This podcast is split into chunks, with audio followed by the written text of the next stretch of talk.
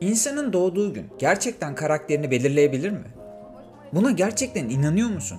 Mesela gerçekten yıldızların ve gezegenlerin konumlarına bakıp bu hafta size en sevdiğiniz mesaj atacak şeklindeki bir ifade sana umut veriyor mu? İnsanlar niye bunları takip ediyorlar ki?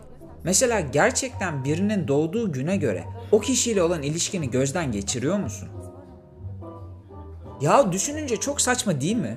Boğa burçları bu sene çok para kazanacak diyorlar. Hiç kimse boğaları bu sene öyle bir sevecekler ki işe gitmeye mecaliniz kalmayacak demiyor ama.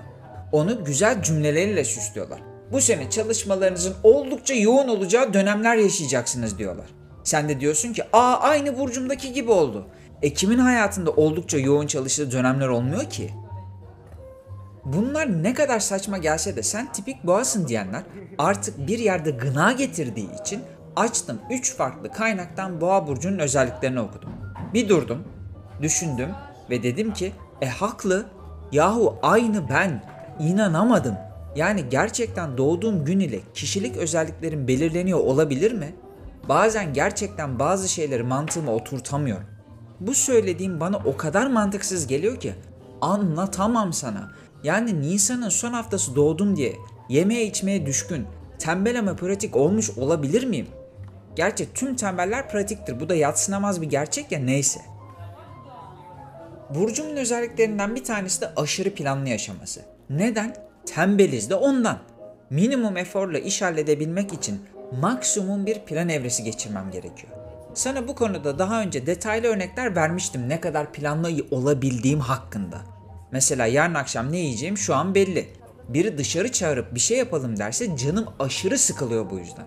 Ben planımı yapmışım arkadaşım öbür gün görüşelim. Çünkü yarın akşam yemek yerken senle ne yiyeceğimi düşüneceğim. Peki sen de böyle olmalı mısın? Bence kendi yolunda olan herkes bu kadar derin planlar yapmak zorunda değil. Deli işi zaten bu. Ben ve sen de dahil olmak üzere hiçbirimiz normal canlılar değiliz. Ben bunu kabul ettim. Sen normal misin? Emin misin?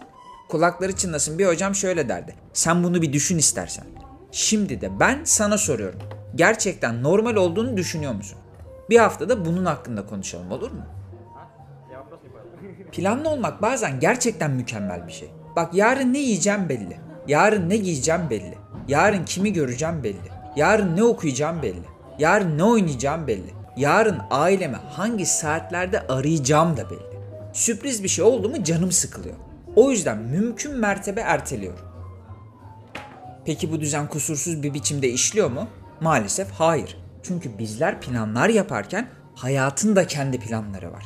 Göklerden gelen bir karar gerçekten var.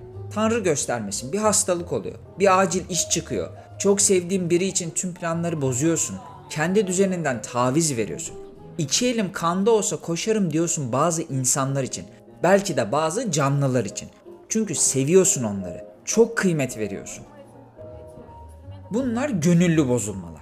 Bu hafta sana toplum yolunda olanların nasıl bozguncu olduğu hakkında birkaç kelam etmek istiyorum. Geçen hafta bu muhabbet için hazırlanırken apartmanımda yaşayan ve fazlaca tonton olmayan yaşlı bir komşumun bedduaları ile düşüncelerin arasından gerçek hayata döndüm. Teyzecim durmadan, usanmadan belalar okudu, okudu, okudu. Yani öyle içten okudu ki eminim yerine ulaşmıştır. Neden mi? Bahçeye asma dikmişti bu teyzemiz. Bahçenin çitlerine de sardırmıştı. Bayağı da büyüyordu. İşte o sabah bir indi bahçeye bir baktı bir yapraklarını toplamış gitmiş. İşin daha acısı o toplayanı da bir gün önce gördüm ben. Bayağı elinde bir poşet yaprakları dolduruyordu. Düşmanını, hırsızını ve katilini çok uzaklarda aramayacaksın sevgili dostum. Bunlar hep en yakınında. Bu yaprak hırsızı da teyzemizin bir üst katında oturuyor. Yahu teyzemizin yapraklarını niye çaldınız? Göz hakkı diye bir hak yoktur. Annemin çok sevdiğim bir sözü var. Yemekte emeği olmayanın sofrada yüzü olmaz diye. O asmanın dikiminden yetiştirilmesine bir emeğin var mı? Vallahi yok, billahi yok. Ben şahidim. Gözümün önünde büyüdü asma. Teyzemiz elleriyle su verdi. Oğlu gübre getirdi, büyüttüler. Belli ki bir planları var. Yaprakları toplayacaklar ve saracaklar. Ama yaprak hırsızı baktı yapraklar olmuş hemen gitti topladı. İşte toplum yolunda olanlar böyledir. hiçbir emeğe saygı göstermezler. Daha kötüsü ve daha acısı ise her şeyde kendilerine bir hak görürler. Ben de bu apartmanda oturuyorum o yüzden o yaprakları toplayabilirim. Toplayamazsın. Senin bu apartmanda oturuyor olman o emeği çalma hakkını sana vermez. Gidip izin alırsın, verirlerse biraz toplarsın. O da biraz bak, birazcık hatta. Tüm asmayı poşetine dolduramazsın. Belli ki teyzemizin o akşam için bir yemek planı vardı. Kaç aydır yetiştirdiği yaprakları toplayacak ve saracaktı. İşte emek hırsızı yaprak düşmanı bu planı bozguna uğrattı. Planların bozulmasının en acısı tam olarak budur. Bu ne hastalığa benzer ne de bir kazaya. Bu alenen bozgunculuktur. Kimse kusura bakmasın. Toplum yolunda olanlar planlar yapana saygı göstermez. Sen planlı yaşamıyor olabilirsin ama burada bu muhabbeti benimle yapıyorsan en azından şuna eminim. Plan yapmasan da planlara olana saygılı birisin. Benim için bunu bilmem yeterli. İşte sana kendi yolunda olman için bir sebep daha sunuyorum bu hafta. Öyle ya da böyle bazı planlar yapıyorsun.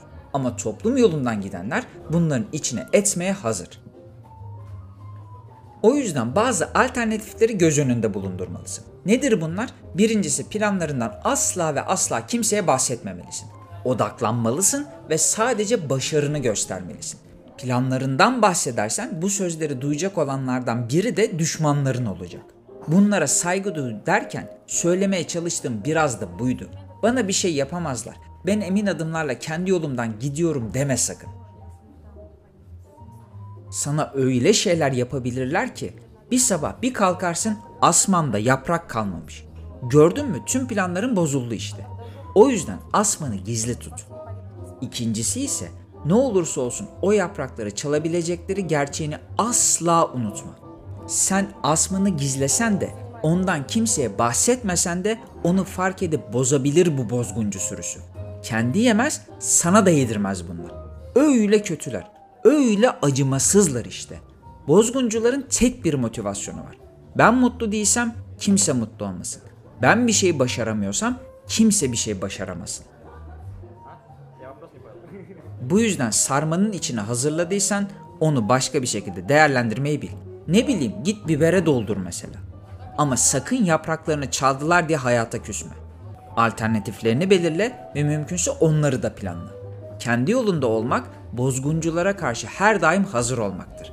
İşte gördün mü? Kendi yolunda olan herkes benim kadar planlı olmasa da toplum yolunda olanlar seni bazı planlar yapmak zorunda bırakırlar.